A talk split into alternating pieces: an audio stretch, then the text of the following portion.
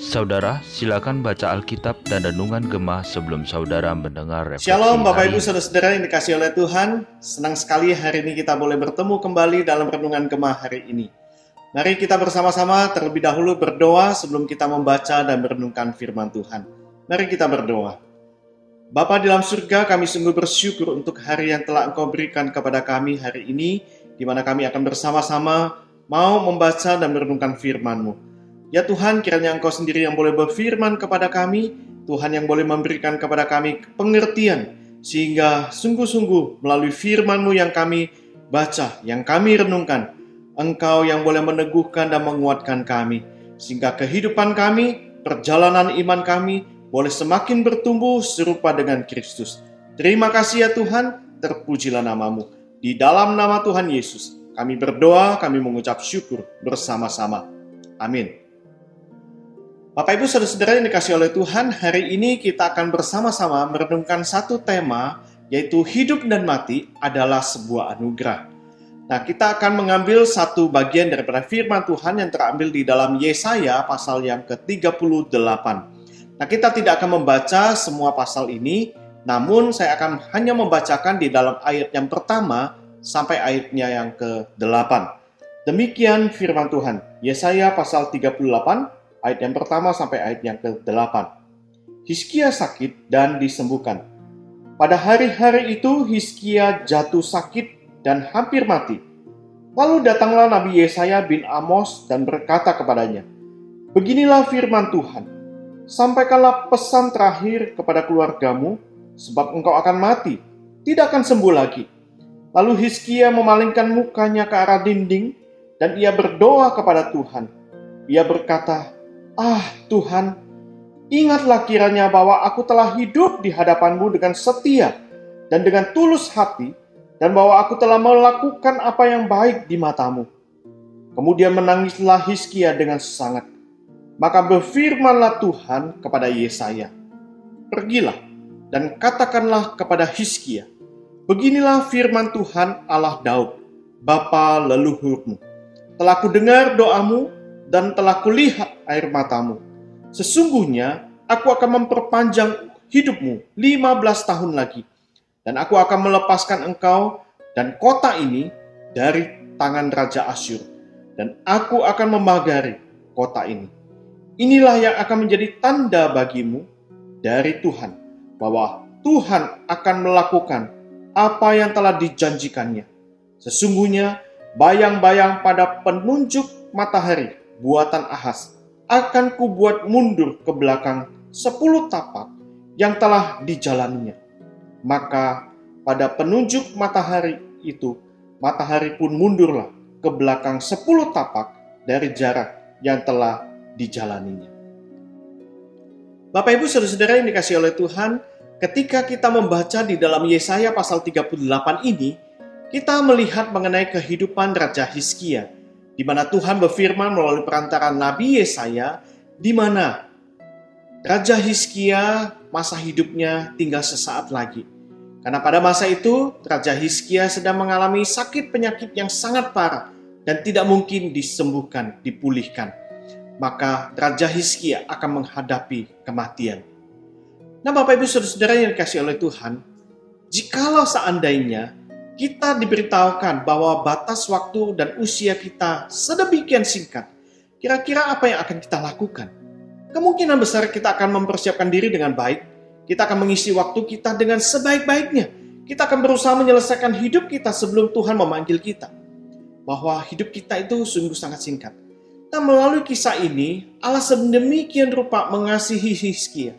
Sehingga dia memberitahukan terlebih dahulu kepada Hizkia bahwa dia akan segera meninggalkan dunia ini karena sakit penyakit yang dia alami. Dan Tuhan memberikan kesempatan kepada Raja Hizkia supaya dia boleh berpamitan terlebih dahulu kepada keluarganya. Nah ini adalah sebuah bentuk daripada kemurahan Tuhan yang begitu besar kepada Raja Hizkia. Nah saudara-saudara yang dikasih oleh Tuhan, tidak ada orang yang tahu kapan batas umur daripada hidup kita sebagai manusia yang terbatas ini.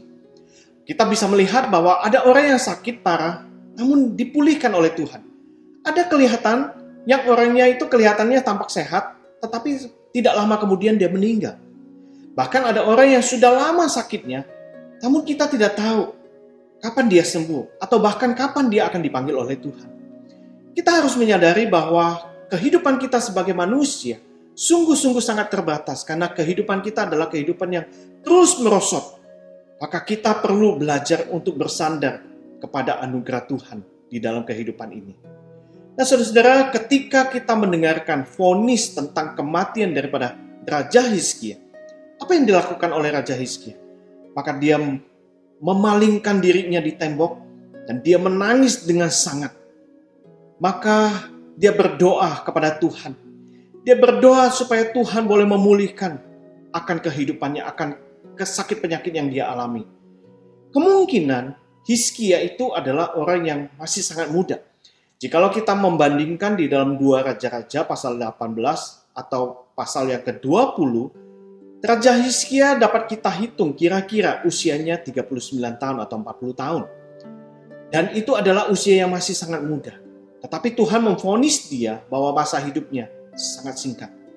Nah mungkin di dalam konteks uh, perjanjian lama mengenai kehidupan ataupun kehidupan uh, kematian yang kekal itu tidak sejelas seperti apa yang ada di dalam konteks perjanjian baru.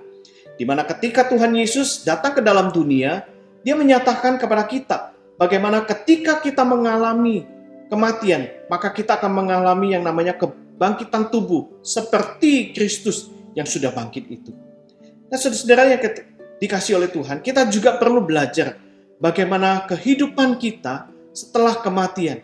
Kita adalah orang-orang yang perlu belajar untuk bersyukur bahwa kita sungguh-sungguh sangat memahami di dalam konteks perjanjian baru dan juga di dalam konteks kita saat ini. Oleh sebab itu, ketika kita diperhadapkan dengan sebuah kematian, itu bukanlah sebuah hal yang perlu kita takuti. Rasul Paulus di dalam Filipi pasal yang pertama ayat yang ke-20 dan 23, dia juga mengatakan bahwa sesungguhnya bagiku hidup itu adalah Kristus dan mati itu adalah sebuah keuntungan. Nah, aku ingin pergi dan tinggal bersama dengan Kristus. Hal itu memang jauh lebih baik. Nah, kehidupan kita di dalam dunia ini adalah semata-mata karena anugerah Tuhan. Namun, ketika kita diperhadapkan dengan sebuah kematian, itu pun juga adalah anugerah Tuhan. Karena kita kelak akan bertemu dengan Tuhan Yesus, muka dengan muka, dengan Sang Penebus kita. Oleh sebab itu, saudara-saudara yang dikasih oleh Tuhan, Ketika Raja Hizkia difonis mati, Tuhan mendengar doanya. Tuhan menjawab doanya. Dan Tuhan menambahkan akan usianya sepanjang, sebanyak 15 tahun. Ini adalah sebuah anugerah yang begitu limpah yang Tuhan berikan melalui kepada Raja Hizkia. Dan bukan itu saja, Tuhan memberikan tanda kepada Raja Hizkia bahwa dia akan dipulihkan, dia akan disembuhkan, dan kota di mana dia tinggal akan dilepaskan daripada uh, penjajahan Raja Asyur. Sesungguhnya Tuhan itu tidak wajib untuk memberikan tanda kepada Raja Hizkia. Dengan Tuhan memberikan penambahan usia kepada Raja Hizkia saja, itu merupakan sebuah anugerah dan kasih yang Tuhan berikan kepada Raja Hizkia. Dan ini adalah satu anugerah yang sungguh-sungguh sangat luar biasa yang Tuhan berikan kepada Raja Hizkia. Nah pertanyaannya bagi kita untuk kita renungkan pada hari ini adalah ketika kita menyadari bahwa hidup dan mati kita ada di dalam tangan Tuhan dan hidup dan mati kita itu adalah semata-mata karena anugerah Tuhan. Nah bagaimana kita menghadapi dan menjalankan kehidupan kita? Apakah kita menjalani kehidupan kita itu dengan hidup yang sungguh-sungguh mentaati akan firman Tuhan kita membagikan kehidupan kita, pengalaman kita bersama dengan Tuhan, dengan orang-orang yang belum kenal kepada Tuhan. Dan ketika kita diperhadapkan dengan kematian, apakah kita tetap menyatakan akan iman kita bahwa kita adalah orang-orang yang tetap berpegang teguh kepada Kristus yang akan memimpin dan menuntun kita sehingga kelak ketika Tuhan memanggil kita, kita dengan iman yang yakin, dengan iman yang teguh, bahwa kita akan berjumpa muka dengan muka dengan Sang Juru Selamat kita, Yesus Kristus. Bagaimana dengan Bapak Ibu Saudara-saudara sekalian? Kiranya melalui firman Tuhan pada hari ini, sungguh-sungguh boleh membawa kita untuk makin limpah, makin dalam, makin kenal dengan Tuhan di dalam kehidupan ini maupun kita dipersiapkan untuk menghadapi kematian. Tuhan memberkati. Mari kita berdoa. Bapa dalam surga kami bersyukur kepadamu untuk firman yang boleh kami renungkan pada hari ini. Kami bersyukur ya Tuhan untuk kisah kehidupan Raja Hizkia yang sudah kami dengar. Tuhan boleh beranugerah kepada Raja Hizkia dengan menambahkan usia 15 tahun. Bapa dalam surga, kami menyadari bahwa hidup kami sungguh sangat singkat. Namun biarlah hidup kami bukan hanya soal panjang atau pendek, tetapi bagaimana kami mengisi kehidupan kami dengan hidup tulus, taat, setia kepada Kristus.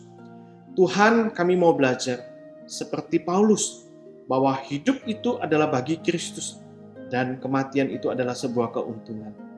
Ajarlah kami ya Tuhan ketika kami hidup di dalam dunia ini, kami hidup bagi Kristus. Kami boleh membagikan pengalaman kasih kami, hidup kami bersama dengan Tuhan, kepada orang-orang yang belum kenal kepadamu. Sehingga kami boleh membawa mereka datang kepada Kristus, kenal kepada Kristus.